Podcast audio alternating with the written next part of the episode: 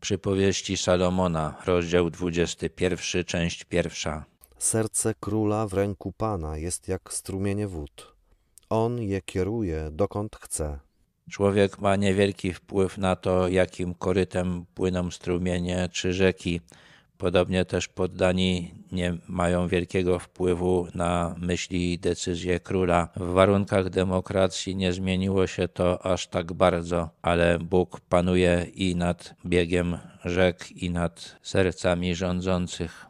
Każda droga człowieka wydaje mu się prawa, lecz tym, który bada serca, jest Pan.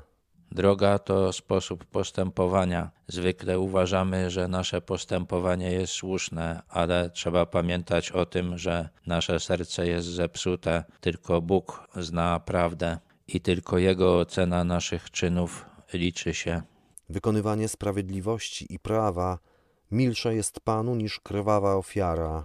Prawo mojżeszowe przewidywało różne ofiary. Były ofiary za grzech, były ofiary oczyszczające, i były też ofiary, które miały być po prostu przyjemne dla Boga. Salomon zauważa, że większą przyjemnością dla Boga jest widzieć, że postępujemy uczciwie, że pełnimy Jego wolę, niż zabicie i spalenie nawet wielkiej ilości ofiarnych zwierząt. Dumne oczy i pyszne serce to lampa bezbożnych, lecz myli. Salomon rozumiał bezbożność i pobożność inaczej niż większość y, ludzi. Pobożnym człowiekiem był dla niego nie taki, który uczestniczył w jakichś obrzędach, ale który miał właściwe poznanie Boga. Taki ktoś nie mógł być pyszny, nie mógł uważać się za kogoś, komu się wszystko należy. Lampa pozwala widzieć w ciemnościach. Człowiekowi ogarniętemu pychą przekonanie o własnej wspaniałości wydaje się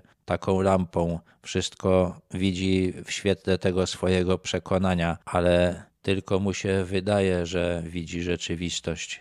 Zamysły pilnego prowadzą do zysków, lecz każdy, kto w pośpiechu działa, ma tylko niedostatek. Jeżeli robimy coś w pośpiechu, to przyczyną może być to, że nie chcieliśmy się zabrać do pracy, odkładaliśmy to i teraz brakuje nam czasu, albo chcemy jak najszybciej pracę zakończyć, bo mamy już jej dość. Szansa na to, że przy takim nastawieniu wykonamy coś dobrze, jest bardzo mała. Szansa na to, że za źle wykonaną pracę zostaniemy dobrze wynagrodzeni, jest również niewielka. Kto gromadzi skarby językiem kłamliwym, ugania się za marnością i wpada w sidła śmierci. Marność to coś, co jest niewiele warte. Zdaniem Salomona bogactwo nie jest warte tego, aby kłamać dla zdobycia go. Poza tym kłamiąc robimy sobie wrogów z tych, których okłamujemy i oni mogą nas nawet zabić. Rozbój występnych porywa ich, gdyż nie chcą czynić tego, co prawe. Ten, kto wstępuje na drogę przemocy, kto staje się rozbójnikiem, sam w końcu padnie ofiarą przemocy. Jezus powiedział: Kto mieczem wojuje, ten od miecza ginie. Kręta jest droga zbrodniarza, lecz postępowanie uczciwego jest proste.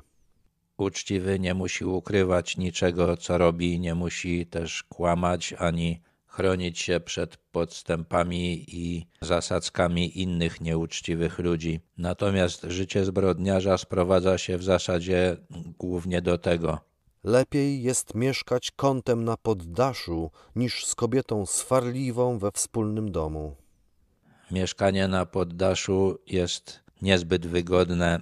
Latem jest tam bardzo gorąco, zimą bardzo zimno. Najczęściej też jest mało miejsca. Mimo to Salomon uważał, że kobieta skłonna do tego, aby się kłócić, jest źródłem większych przykrości. Dusza bezbożnego pożąda zła.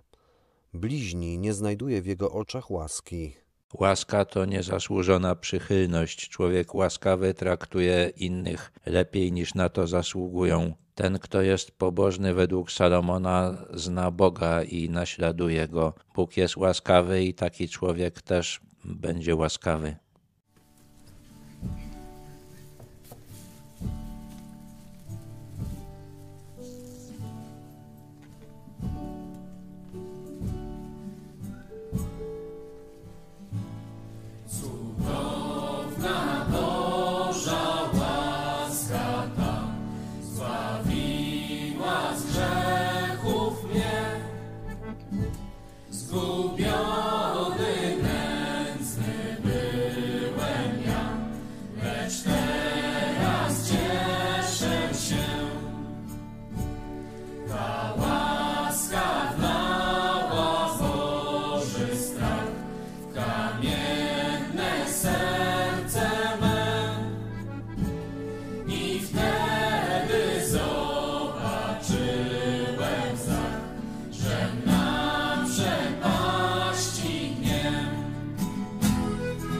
Stop.